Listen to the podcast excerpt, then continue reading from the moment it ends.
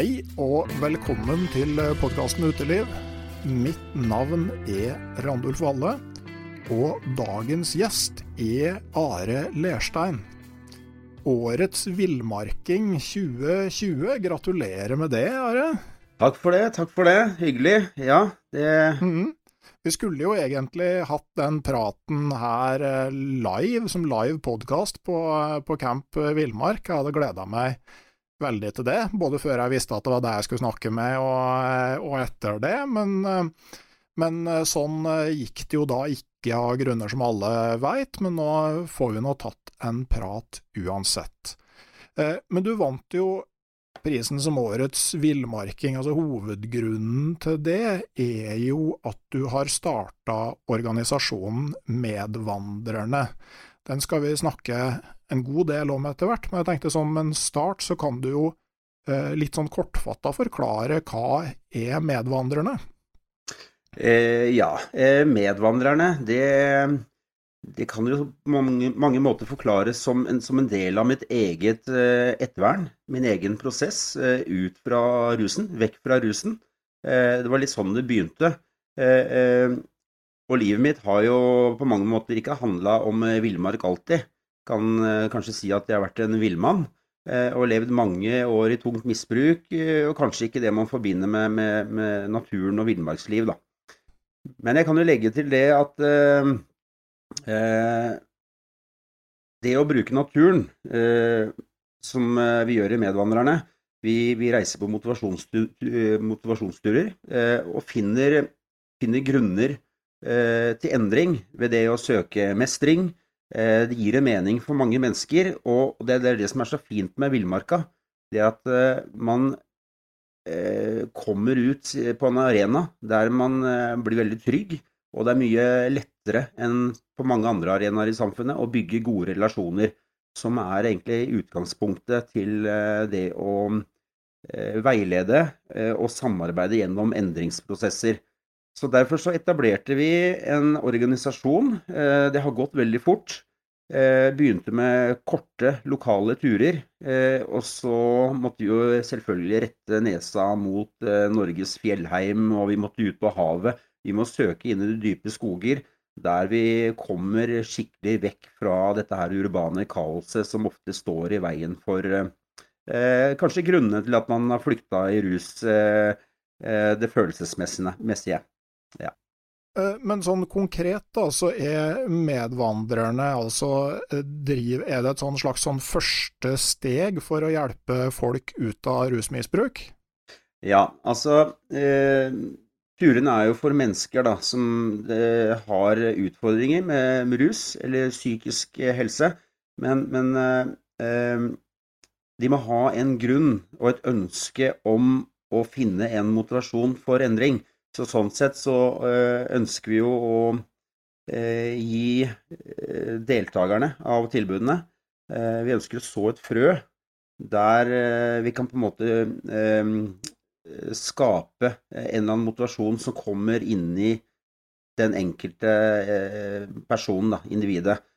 Og den beste motivasjonen den finner man gjerne hos seg selv, og ikke minst i smerten. Eh, Med smerten som utgangspunkt så får man eh, en, eh, en, en ufattelig kraftfull styrke til å ta noen grep, da. Og det er jo ikke alltid bare de fantastiske naturopplevelsene som, som bidrar til det, men, men det er noe med det at det, å, det å være i aktivitet og komme ut i, naturen og la sansene leve sitt eget liv, så, så kommer man mye raskere i kontakt med det følelsesmessige. Eh, og det er jo mye ubehagelige følelser man har lagt oppi i, i sekken sin gjennom et langt liv. Eh, så når man på en måte får de trygge relasjonene rundt seg, så er, eh, så er de følelsene mye, tilgjeng- mye mer tilgjengelige. Og man kan ta frem ubehaget, ta frem smerten og dele det med andre. Og det er da man blir styrka og får eh, god motivasjon til å tørre å ta sjansen på å fortsette sine videre prosesser, da. Så vi ønsker jo i utgangspunktet å så noen frø.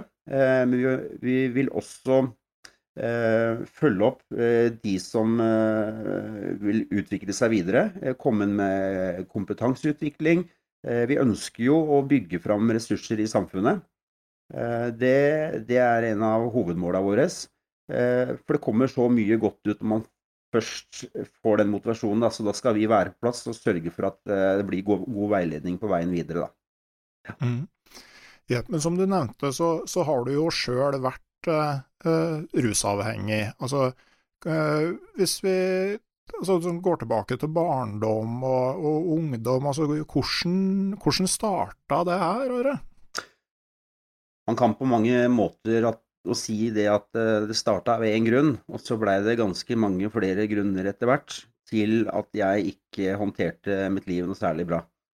Eh, jeg eh, håndterte ikke følelsene mine, og, begynte fort å få et behov for å flykte fra meg sjøl. Og, jeg brukte også naturen veldig mye når jeg var barn. Var veldig mye aleine, var veldig ensom usikker, redd. Og, og, og, så for meg så blei det tidlig, på et tidlig tidspunkt behov for å, å, få flykte vekk fra rett og slett samfunnet. Rett vekk fra mennesker. Jeg syns det var vanskelig med, med relasjoner. Så, så, så, jeg um, var mye aleine, og, og, gjennom oppveksten så, så kom på en måte eh, ja, behovet for å prøve å være noe annet enn det jeg var, da. Ikke sant. Jeg, jeg, eh, jeg fant eh, liksom gjengen min som eh, hadde en identitet som, som jeg kjente meg igjen i, og som, som gjorde at jeg kanskje følte meg mye sterkere, så jeg klarte å se folk i øya. Det utvikla seg at det her var et miljø med kriminalitet. Rusen kom inn i bildet. og etter hvert så tok rusen totalt overhånd. Eh, og det ble tungt misbruk. Det blei eh, ble lange opphold på gata. Bodde ute på gata. Eh, overdoser. Tap av masse venner. Og det var inn og ut av fengsler og institusjoner i, i veldig mange år. Jeg kan jo si det sånn at det er jo ingen selvfølge at jeg kan sitte her nå og, og snakke med deg. Så det var et destruktiv, destruktivt liv som jeg for så vidt kjente meg ganske trygg på. Eh, så, så, det var veldig vanskelig for meg å finne min vei til et rusfritt og, normalt liv. Da. Jeg falt alltid tilbake fordi at jeg, jeg hadde ikke funnet, eh, gode overganger med, med folk som uh, fulgte meg opp, så jeg på en måte klarte å stå på egne bein uten rusen. Men, men når du sier det her, altså at du har problemer med med relasjoner til folk og eh, altså, Har du tenkt noe på hvordan det blei sånn, og på eh, altså, Kunne du ha fått måte, Hva kunne du fått hjelp med mye tidligere som hadde gjort at det hadde tatt en annen retning? Ja, det er, eh, det er vanskelig å si. Eh, for min del så er det i hvert fall viktig å, å, å ta ansvar for, for meg da, og, og, og, mine utfordringer som jeg eh, forteller deg om i forhold til eh, grunnene til at jeg eh, valgte rusen. Eh, og det handler jo om følelsen, følelseshåndteringa mi. Eh, så når jeg vokste opp, selvfølgelig det var, Vi hadde idrett, og, og jeg er fra en helt vanlig, normal familie. Eh, og, og, det er vel ingen grunn til at jeg skal eh, ja, legge skylda på noen og hvorfor at livet mitt blei sånn. Eh, men eh, Og jeg var også en urokråke. Jeg, eh, kan sikkert få noen eh, diagnoser, og har jo fått noen diagnoser òg. Jeg var urolig på skolen. Det var andre ting som var viktigere for meg. så, så ja. Det er vanskelig, vanskelig, å si hva som var grunnene, men, men, eh, men det begynte med at uh, jeg fiksa egentlig ting ganske dårlig, da. Uh, og, og, ja Løp over alle hauger. Ja. Mm. ja. Men det er jo litt sånn uh, Altså, jeg har jo tenkt på det. altså sånn, Jeg har jo ei jente som går på skolen, og som er rolig og født i januar. Og jeg tenker at altså har en veldig sånn fin opplevelse av skolen og alt rundt det, men jeg har jo på en måte tenkt at liksom hva om jeg hadde hatt en kliss urolig gutt som var født i desember? Altså, mm. det, den settinga der passer ikke med å sitte i ro og gjøre det du får beskjed om og sånne ting. Det passer jo ikke like godt da. Nei, det er, det er sånn som du sier, og, og hadde kanskje aktivitet da, og, og, praktiske ting, og det å være ute og bli sett eh, som den jeg er, så kanskje ting hadde blitt en del annerledes. Eh, det passa ikke meg, og jeg var ingen eh, jeg var ingen teoretiker. Jeg, eh, jeg likte å bruke kroppen min og henda, eh, og, og, og, var jo som sagt veldig urolig. Eh, som veldig mange skyttere er, som du sier. Ehm, en eventyrer. Så jeg tenker det at Ja, jeg vokste opp i en tid da det kanskje ikke var så mye fokus på det vi snakker om, som det er i dag. Det å tilrettelegge hverdagene og, og, og aktivitetstilbud eh, eh, i forhold til eh, personligheter, da. Og, og, ja. Så sånn sett så ja, vanskelig. Mm. Husker du på en måte når du liksom begynte, når du begynte å tenke eller innse at liksom oi, det her altså, For jeg går ut fra i starten så var det ganske sikkert spennende å være i et sånt miljø? Ja, klart det var spennende. Det var jo det som traff meg. Ja. Eh, det var veldig spennende, og, og, jeg vil jo være en av de tøffe gutta. Men eh, action, det trigga jo meg. Eh, jeg likte jo ekstreme utfoldelser på tidlig tidspunkt. Ikke sant? Jeg var jo, ble jo den gutten i gata som eh, som eh, ikke var vond å be hvis man skulle ta med ut på noe som var eh, ja, litt faenskap, for å kalle det det. Og god, mm. gammel, god, god gammeldags faenskap. Så, så, for meg så falt det seg helt naturlig. Det var noe som dro meg, noe som trigga meg. Så, så, jeg tenker jo det at det var vanskelig å temme meg, da. Mm. Men jeg tenker jo det at som jeg sier, eh, det handla mye om å være en del av en flokk, da. Å være mm. en del av en gjeng og kjenne på den tilhørigheten. Men husker du på en måte noe sånn eh, øyeblikk hvor du tenkte at sånn oi, altså nå har det gått veldig langt, altså sånn at du liksom kanskje begynner å innse at det her er blitt et problem? Ja. Det, det innså jeg ganske fort, egentlig. Eh, og, og, jeg kjente vel ikke det eh, kanskje for min egen del, men i forhold til eh, de menneskene som hadde med meg å gjøre, familien min. Eh, det blei veldig vanskelig for, eh, for, mine nærmeste å forholde seg til meg. Eh, ja. Og, og, når på en måte broene blei brent én etter én, og jeg måtte begynne å sone, og, og, og, forsto godt, og jeg aksepterte ganske fort at jeg hadde et eh, narkotikaproblem. Eh, og ønska å gjøre noe med det, for det, det, er jo et slitsomt liv. Eh, og jeg falt jo alltid tilbake til det. Eh, men det var det derre suget, den trangen og den lengselen tilbake til det å få litt eh, hvile, få puste litt, eh, få litt fravær av tanker som, eh, som, skapte veldig mye kaos for meg. Eh, det får litt eh, fri fra disse vonde følelsene som, som fulgte meg hele tida. Så, så ja. Mm, men sånn da det var på det verste, altså hvordan var liksom hverdagen da? Altså, sånn, hvordan er en dag for en tung rusmisbruker? Uh, Nei, det er, eh, det er jo bare et mål, det. Uh, jeg var jo hyperkriminell. Eh, det var jo egentlig bare tanker, og, og var jo så kreativ som bare det, for å skaffe penger til å få dopet mitt. Det var det eneste som sto i tankene. Så jeg var jo den verste utgaven av meg sjøl. Det er vel nesten sånn at man gikk over lik for å få det man skulle ha. Det var det var stjeling, og det var tjuverier, og det var å være en egoist og manipulere seg fram til å få det jeg ville ha.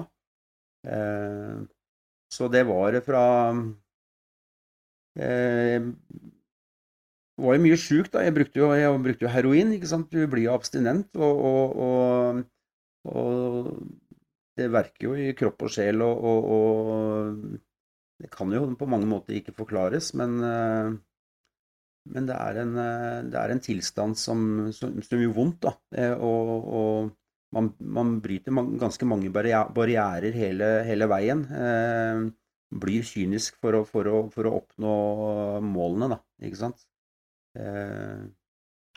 En sånn heroinabstinens, altså for, for den, den, som aldri har vært borti noe sånt, har du noen ting som vanlige folk kan forholde seg til, som du, som du måtte kan sammenligne det med?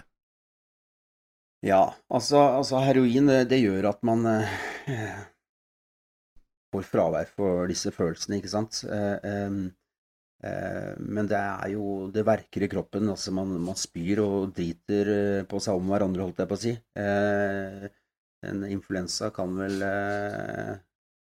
lite sammenlignes, men, men, det er smertefullt. Det er Når man ikke har dopet, så føles det jo nesten som man mangler en kroppsdel. Man føler seg ikke hel i det hele tatt. Så, så ja, det er vanskelig å forklare. Eh, man er dritsjuk. Skikkelig sjuk. Og, og, og eh, det er en tilstand som eh, man gjør alt for å komme vekk fra. Man, eh, man, skader og sårer sine nærmeste og de man elsker mest her på, på jorda, liksom. Så, så, det er en tilstand som gjør at man eh, faktisk er villig til å gjøre alt for å, for å komme vekk fra, vekk fra det, da.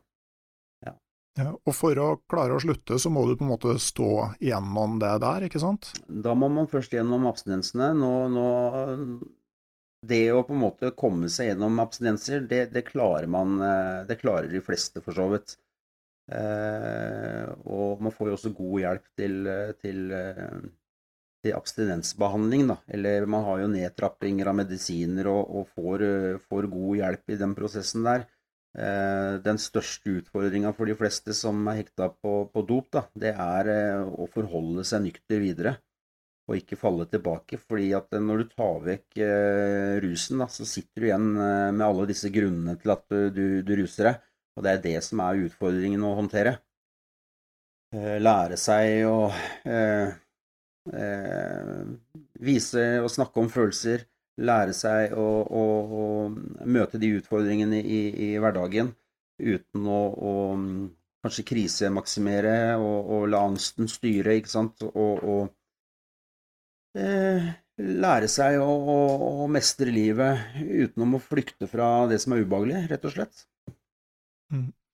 Når var det du på en måte kom dit at du liksom virkelig innså at du ville slutte? Um, jeg har gått mange runder eh, gjennom min, eh, kall det ruskarriere. Eh, jeg har prøvd mange ganger, som jeg sa tidligere, inn og ut av institusjoner. Ehm, og jeg har møtt mange bånder. Det vil si det at det har gjort så vondt at jeg har funnet en grunn til å, å i hvert fall prøve å gjøre noen endringer, da. Eh, så jeg har jo vært eh, Men jeg har vært likegyldig til livet. Jeg har vært likegyldig til døden, men på, på, siste runden der så var det sånn at jeg faktisk ønsket å dø. Jeg ville dø. Så, så det er vel der jeg fant eh, motivasjonen da. Jeg fant motivasjonen i, i hvor smertefullt livet hadde blitt, da. Og var på det tidspunktet veldig heldig og blei fengsla. Det var den siste dommen min. Og, og ære være kriminalomsorgen for det, for jeg veit ikke om eh, eh, Jeg veit ikke om jeg hadde sittet her da, eller sitter her nå. Eh, men jeg kom da inn i fengselet eh, og var grisehekta på dop. Eh, kjempeabstinent, hadde epilepsianfall og, og, og eh, kom meg gjennom den abstinensperioden. Da jeg begynte å komme til meg sjøl da, så, så begynte tankene å bli klare. Eh, og det var jo sånn at jeg ville jo egentlig ikke dø. Det var jo bare pga. livsstilen og tilstanden jeg var i, eh, som var såpass smertefull. Men, men når jeg kom til meg sjøl, og, og, så kom, eh, kom, det mye godt ut av den motivasjonen jeg fant der, altså. Så da bestemte jeg meg rett og slett, eh, for første gang i livet, Eh, det var veldig mange som alltid hadde ønska at jeg skulle ta noen grep i livet mitt, men denne gangen her kom det innenfra. Det kom fra meg sjøl, og jeg bestemte meg da for å bruke denne soninga, gjennomføre soninga og søke meg til et behandlingssted som var veldig lystbetont for meg. Det var jo det var faktisk et behandlingssted som heter Veien ut, som, som driver med ekspedisjoner og naturen.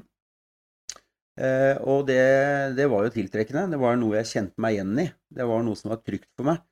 Eh, men jeg visste for å komme dit, så måtte jeg gjøre noen grep, da. Jeg måtte gjennom den soninga, og, og eh, det var en 15-månedersdom. Eh, så jeg kom meg gjennom soninga og hadde kontakt med, med inntaksansvarlig der hele veien, som også var en med brukererfaring. Så det var jo en veldig god hjelp for meg i den prosessen der. Så jeg kom meg til veien ut. Jeg eh, fikk den siste fikk et, eh, Den siste delen av dommen der fikk jeg faktisk på det behandlingsstedet.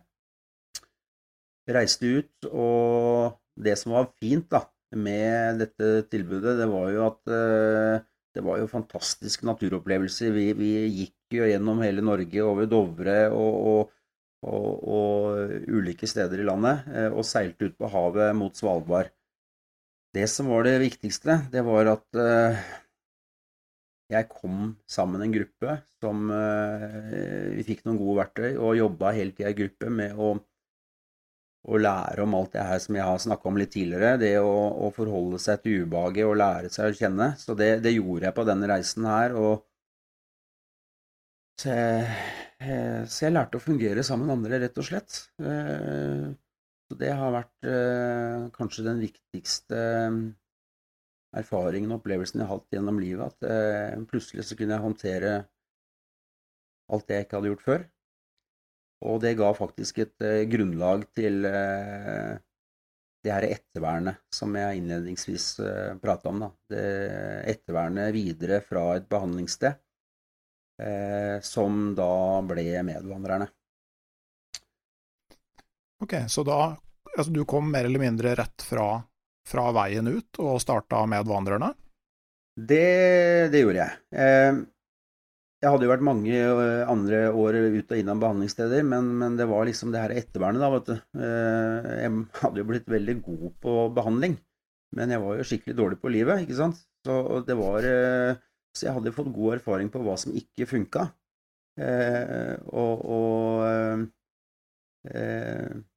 så da måtte jeg rett og slett begynne å bygge opp mitt e-, eget ettervern. Eh, jeg ble kjent med, med de ulike tilbudene eh, i lokalmiljøet mitt. Jeg begynte å spille fotball, jeg kom meg inn i selvhjelpsgrupper. Jeg ble kjent med Turistforeninga, Røde Kors. Eh, så jeg saumfarte liksom hele området og, og, og, skapte meg et trygt fundament. Og så vil jeg gi noe tilbake til eh, til andre rusavhengige som eh, kanskje ikke helt hadde funnet en, eh, en god trygg eh, rusfri arena, der man kunne på en måte skape, skape sitt eget ettervern videre. Så, så, jeg tenkte jeg skulle sette i gang da med en, med en turgruppe. Da starta jeg med en turgruppe lokalt. Eh, tok kontakt med noen gamle røvere og venner, og så, og så inviterte jeg med på tur. og så og så gikk jo det veldig bra. Vi, vi hadde jo mye rusfrie turer, og vi samla oss rundt bålet og prata om ting som vi kanskje ikke gjorde ellers. Så, så, så fant jeg fort ut det at der må vi bare bygge videre på. Så da blei det i 2017 en, den første litt større turen. Da dro vi til Rondane. Eh, vi var 14 stykker. Og så tenkte jeg det at eh, ja, det, det er ikke bare å dra på en tur. Vi trenger jo litt drahjelp, så jeg la faktisk ut en, en Facebook-status, da. Eh, og, og, forklarte hva vi ønska å gjøre. Vi ønska å gjennomføre en tur, og, og, og vi hadde vel prata om det mange av oss før i tida også. Så, men folk var jo virkelig på tilbudssida og ønska å bidra til at vi skulle få til dette her. Så vi fikk eh, Fikk tak i litt telt og fikk tak i mat og, og, transport og litt penger. Og så sto vi plutselig på Høvringen, og så gikk vi 14 stykker over Rondane i, i åtte dager. Det regna for så vidt seks av de dagene, men, eh, og vi møtte på masse herlig motstand. Men det var en helt rå tur. og, og det som var den kule bekreftelsen på det, det var når vi sto på andre sida ved Rondvassbu og hadde eh, klart å bestige noen topper. Og vi bekrefta vel samtlige oss at eh, nei, vi, vi, burde vel ikke dra hjem herfra. Dette her, eh, dette her, er noe som virkelig vi skal fortsette med. Så, så da blei det jo en del turer etter det. da. Så nå har vi vært i Rondane noen ganger, og så har vi vært på Galdhøpiggen, og vi har vært på en del turer i Hallingdalen og en del andre plasser i Norge. Så, så, så det har jo utvikla seg veldig, da. Eh, vi vokser og vokser, og vi blir flere og flere av denne flokken, da. Det blir flere medvandrere, og det er jo skikkelig givende å se, da. Og, og, det har fungert på en måte etter intensjon òg, sånn at altså, mm. det har vært en sånn katalysator for å finne et nytt spor og, og, starte en ny retning i livet for folk? Ja, absolutt. Eh, og jeg vil legge til det at vi har liksom ikke noe vi har ikke noe fokus på, på begrensningene her. Eh, vi, vi, har ikke noe fokus på medisiner eller i den rusbiten. Vi, vi, vi ønsker liksom å, å, se hva vi kan få til da, på det der Eh, og, og, og, og, se hvilke ressurser da, som er i oss. For at det, det er ufattelig mye ressurssterke mennesker eh, fra det livet jeg har levd. Det er liksom bare det å, å få en mulighet da, til, å, til, å, vokse gjennom det. Og jeg tenker det at eh, det, liksom, det handler egentlig om å, om å, endre noen vaner, ikke sant. Eh, man blir jo ikke rusfri å ta seg en tur i skauen. Men, men, men, men, for å endre en vane, så må man gjerne gjenta en handling flere ganger til det blir en vane. Så derfor er det noe med det å opprettholde det, å være en del av en, en flokk, og, og, og, og, ta ansvar, og, være med og skape, eh, skape disse medvandringsturene. Eh, så, så, det er liksom gleden av å kunne gjøre det. Eh, og da er det liksom så, så vi har med, vi har jo med folk som eh, kanskje tidligere har vært behandlingsresistente. ikke sant? Det er gjengangere. Det er håpløse tilfeller som mange ikke har trodd på. Og så når på en måte muligheten har blitt tilrettelagt, så har man liksom sett at en, en, en etter en har vokst gjennom dette her. Og liksom eh, ønsker virkelig å ta ansvar. Ønsker å bidra med sine erfaringer og sine ressurser til andre. Det er jo det som er så givende å være med på, da. Eh, så nei, det er, eh, det er, enkle løsninger. Eh, vi driver jo ikke med noe behandling, vi går ikke inn for å behandle mennesker. Men jeg tenker at det viktigste med det vi driver med, det er at hver og en er med for å bidra med seg sjøl. Å være den den er, og tørre å ta sjansen på å dele det med andre. Tørre å dele det som er ubehagelig og sårbart, ikke sant? For det er jo det som binder oss sammen. Det er det som styrker oss. Og da, da, handler det jo ikke lenger om ensomhet lenger. Det handler ikke lenger om utenforskap. Det handler ikke om å være aleine med, med, alle disse grunnene til at man trenger å flykte fra seg sjøl.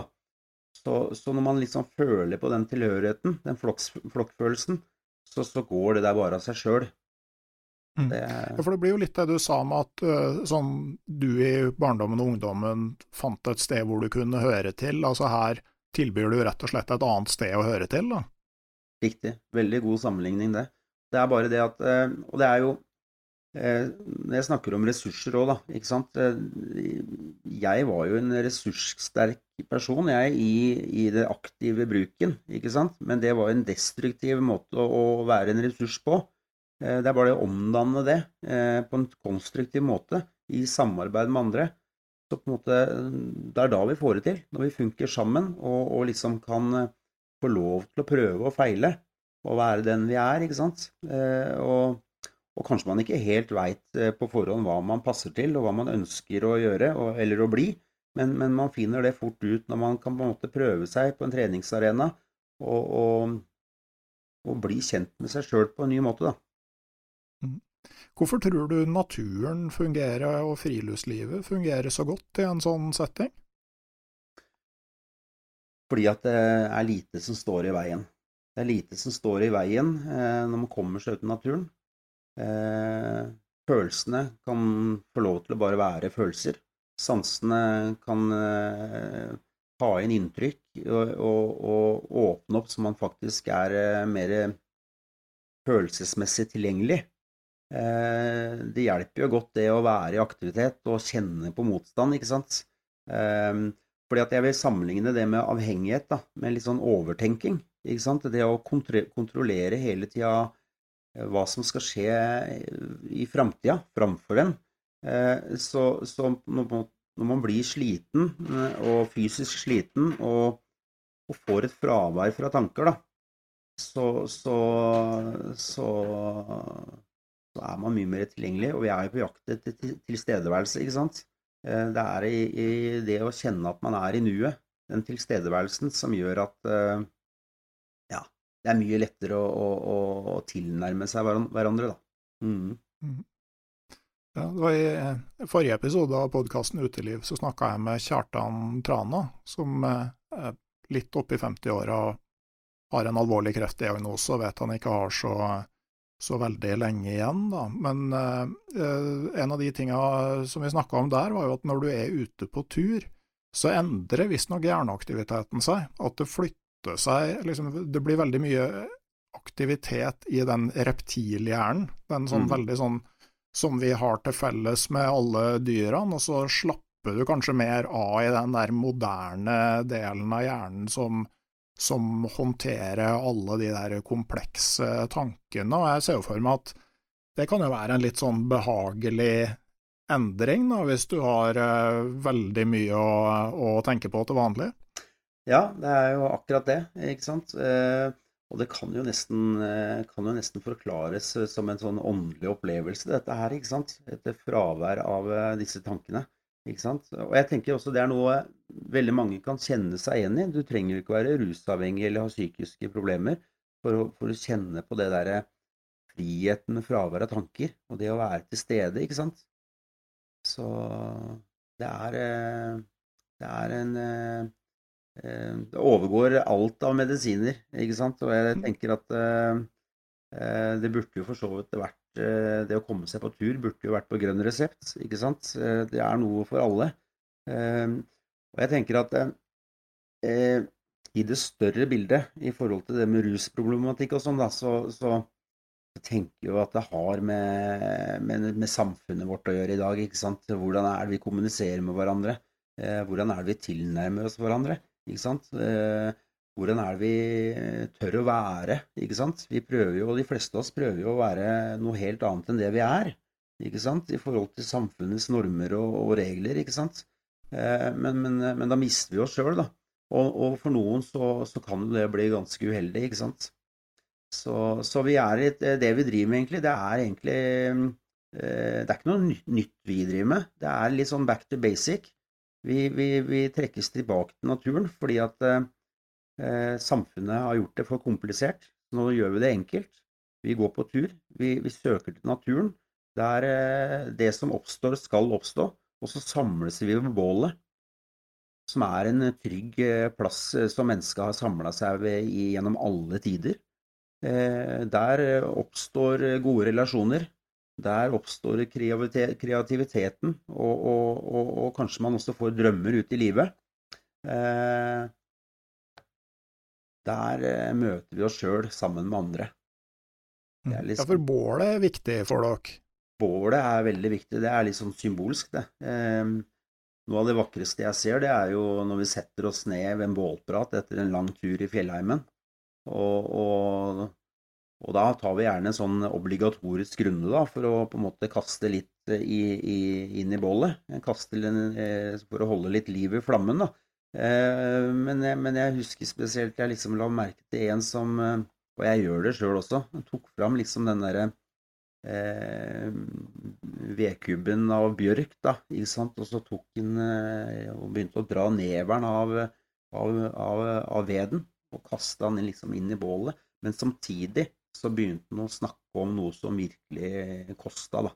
Som betød noe. Eh, og det er litt sånn fint bilde, syns jeg. For at eh, det gjør at man blir trygg, ikke sant, og så kaster man litt inn i bålet, og så, så bidrar man med sitt for å holde livet i flammen. Og det som oppstår da, det er jo at eh, eh, man inviterer andre inn. Det, det, det, å dele om noe som er vanskelig, styrker andre til å tørre å ta, ta sjansen på å gjøre det samme. Så bålet er viktig. Det er litt sånn jeg ser på samfunnet. Vi er et bål. Eh, vi må hver og en bidra med å holde livet i flammen. Eh, så det oppstår når vi i hvert fall søker i naturen.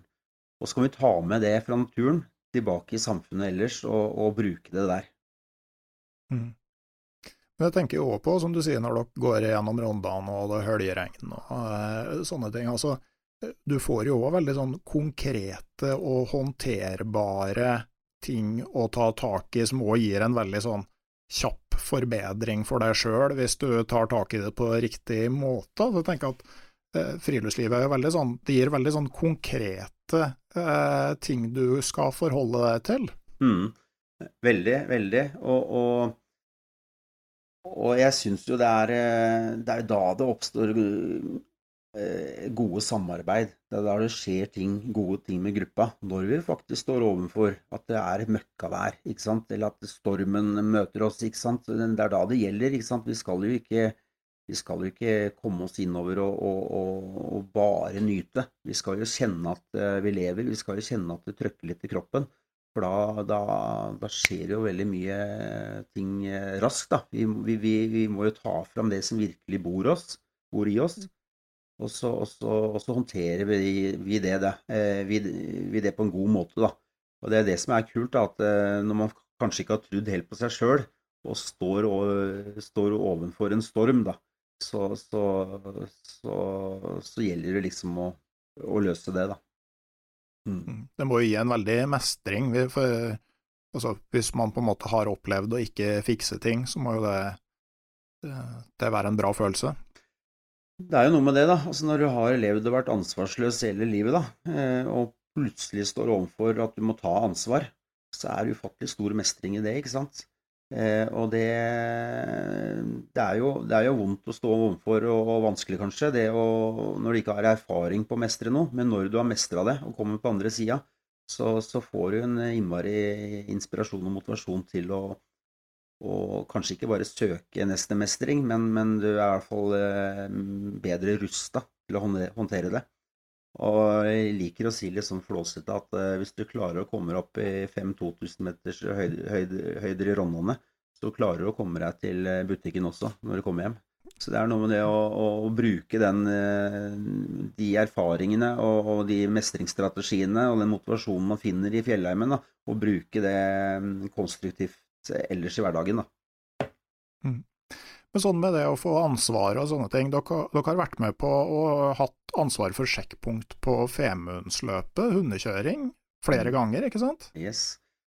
Ja. Hvordan, hadde, hvordan hadde du det natta før du starta den første gangen? ja, jeg har ledd mange ganger og, og, og, og gleda meg over eh, det der. Eh, nå skal sånn sies at jeg, jeg har jo jeg sjøl drevet med hundekjøring eh, Man er jo litt heldig da, når man er gjennom eh, ganske mange behandlingsformer. da. Så, så, så jeg, jeg, hadde jo et opphold i Tyrili på begynnelsen av 2000-tallet og, og, kjørte sjøl Femundsløpet. Eh, og fikk mm. god erfaring med det, da. Så, så for meg så, så, tenkte jeg at jeg visste jo hva det med hundekjøring i kombinasjon med friluftsliv, hva det hadde gitt meg sjøl. Det var jo noe jeg, jeg savna og, og, og, drømte mye om å komme tilbake til.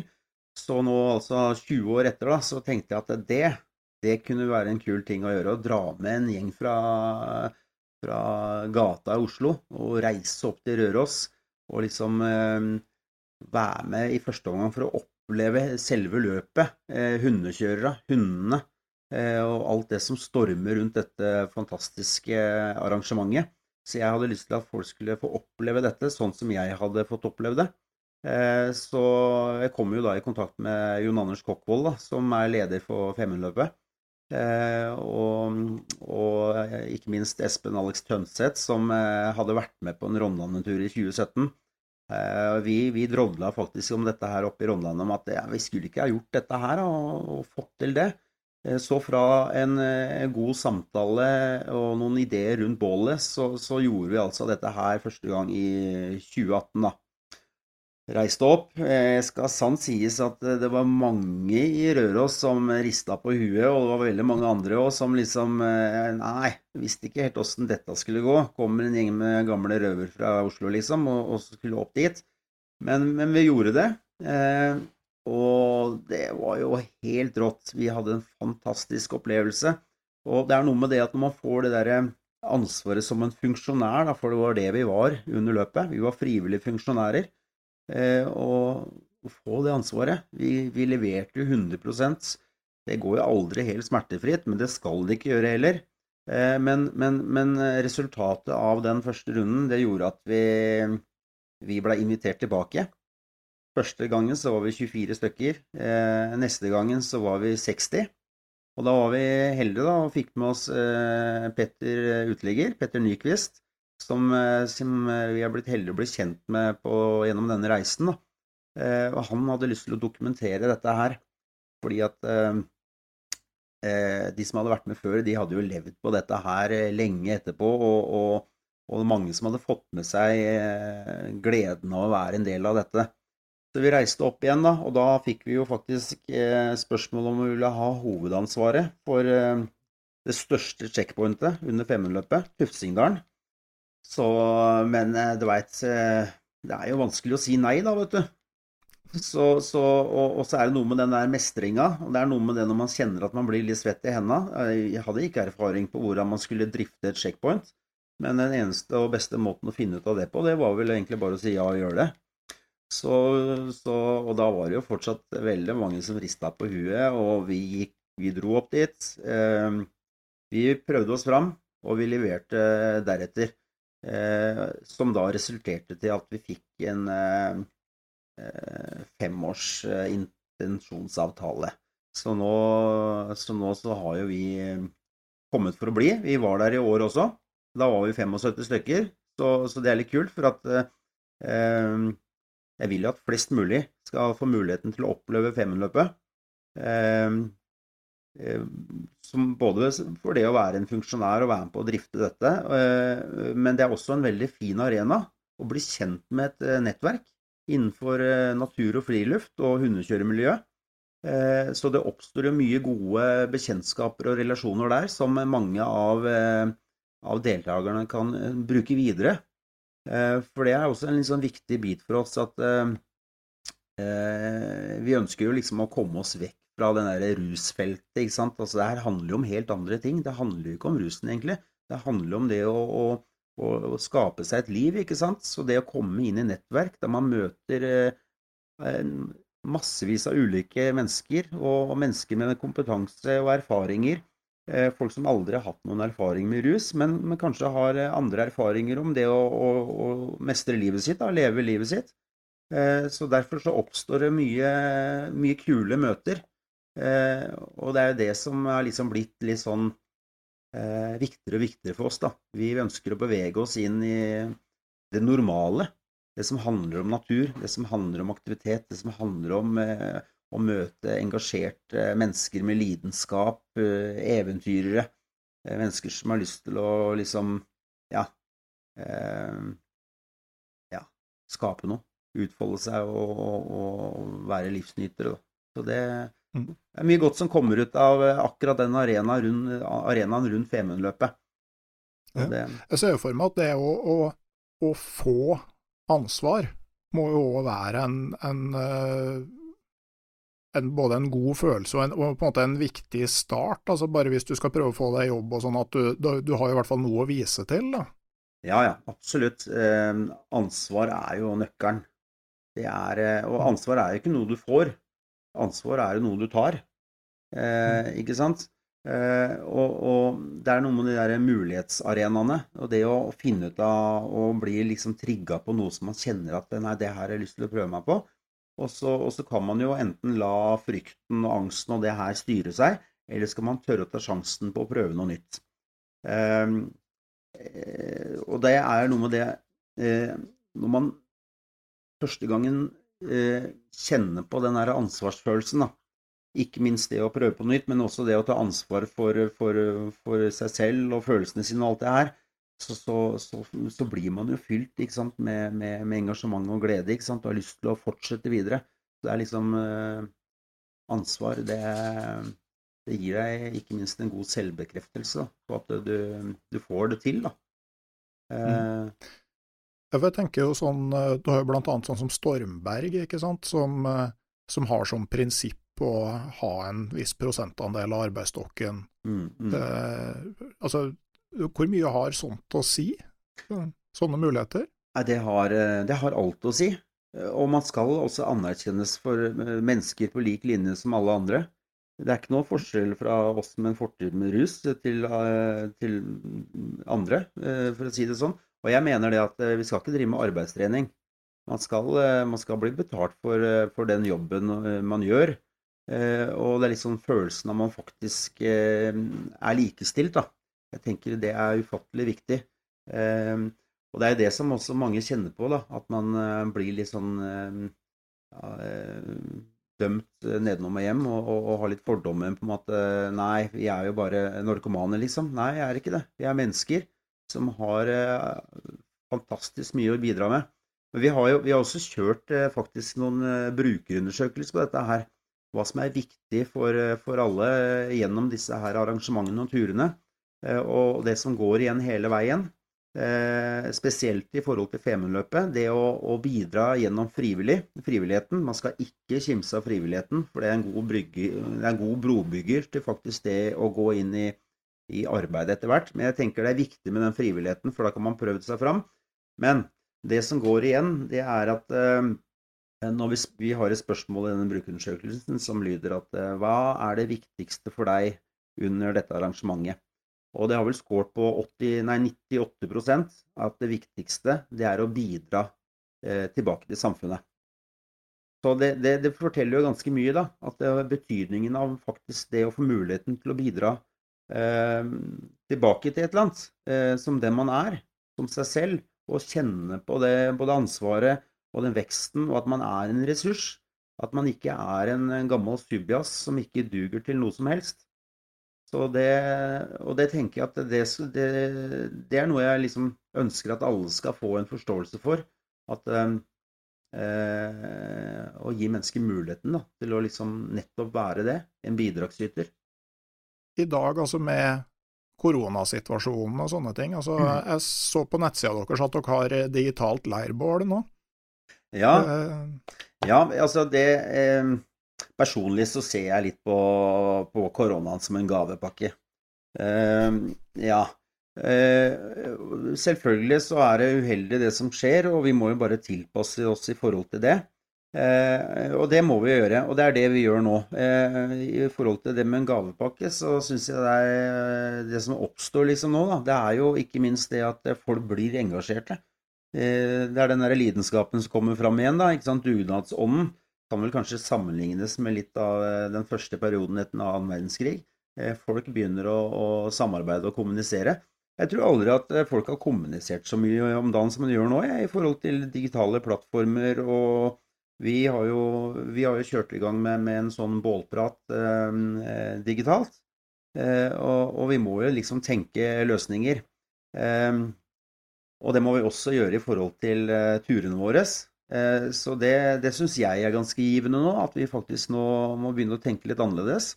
Men det går jo an å få til eh, fine turarrangementer så lenge vi mm, tilpasser oss eh, retningslinjene. Og det som er fint med å dra på turer med mindre folk, da, det er at man kan være enda tettere til stede for, for, for mm, sammen i små grupper. da. Så, så, Nei, nå jobbes det mye om dagen, og jeg kjenner meg veldig motivert til å skape litt eh, gode løsninger, og, og, kanskje enda flere arrangementer framover. Eh, nei, så jeg, jeg syns det er en bra tid. Eh, og, og, jeg ser jo også det at i forhold til Det er flere og flere som på en måte popper litt fram nå, da. Som, som, kjenner på det at det er en vanskelig tid. Og så tar de plutselig grep i hverdagen sin og, og, og drar i gang aktiviteter, da. Så det syns jeg er fint å se. Ja, For å gå tilbake til forrige episode her med, med Kjartan Trana, som da har eh, en eh, veldig alvorlig kreftdiagnose, og som lenge før det skrev at eh, altså han har eh, tenkt mye på døden veldig mm. lenge. sånn at eh, det, det, var ikke noe han på en måte begynte å tenke på etter han fikk den diagnosen. og Han skrev for, for ganske mange år siden at ingenting er som døden for å finne et sant perspektiv på livet. For det som er viktig i lys av døden, er òg det som er viktig i livet. Jeg tenker altså for, på en måte dine eh, medvandrere, altså det jeg ser for meg altså Når du har vært tung rusmisbruker, så har du jo forholdt deg til døden mm. på daglig basis på en helt annen måte enn de fleste andre. altså Gjør det òg at de, måte, de, positive opplevelsene du får, blir sterkere? Helt, helt, klart. Helt klart. Og det er noe med det at uh, det er ikke Det er noe med de der små lyspunktene, da. Ikke sant? Uh, det er ikke så store krav til uh, hva som på en måte man setter pris på, da. og jeg tenker at Ja, man setter pris på ganske lite, som er ganske stort for veldig mange. Eh, og, jeg tenker at det handler også om, eh, om eh, ting som ikke krever så mye, da. Eh, jeg tenker det viktigste for mange som har eh, kjent på mørket, da, så, så er det en eh, stor betydning av å De der små opplevelsene sammen med andre. Og kjenne seg trygg og de der relasjonene, ikke sant. Eh, det å skape nye minner. Det å på en måte kanskje bytte ut de der eh, vonde minnene med noen nye, gode minner. Eh, det er, eh, det er noe som går igjen. Og, og drivkraften til å, å, skape noe, da. Mm.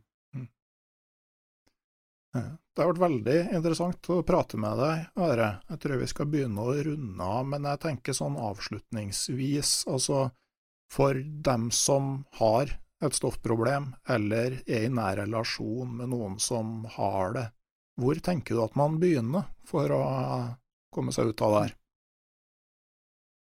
Jeg tenker at eh, som en med et stoffproblem, så tenker jeg at eh, du må begynne med en eller annen villighet da, til å tørre å ta sjansen på å endre noe i livet. Når man kjenner at er, man er på et tidspunkt, når man kjenner at det er så vondt at man har eh, eh lyst til å gjøre en endring, så, så, ikke nøl med å ta kontakt med noen. Ta sjansen. Tør å, å, å la andre eh, kan komme inn og, og bidra og hjelpe i den prosessen. For at det er faktisk veldig mye styrke i det å be om hjelp. Og jeg mener det at eh, noe som hjalp meg, det var eh, det at eh, For jeg syns faktisk det er noe forbanna tull å slutte med noe. Det er mye bedre å begynne med noe nytt. For meg var akkurat den setningen der, den, den gjorde det mye enklere. For jeg skjønte at det, da var det opp til meg. Jeg må begynne med noe nytt. Ikke fokusere på det å slutte. Det å begynne med noe nytt, det er mye mer eh, positivt lada og gjør det mye lettere å tørre å ta sjansen på nettopp det. Når man klarer ikke aleine, så tør å ta sjansen på å be om hjelp, og ikke gjøre halvveis, men gjøre all in. Så kan jeg, kan jeg nesten garantere at uh, man vil finne, finne, en retning å gå, da. For det er mye bra folk der ute. Det er mye erfaring.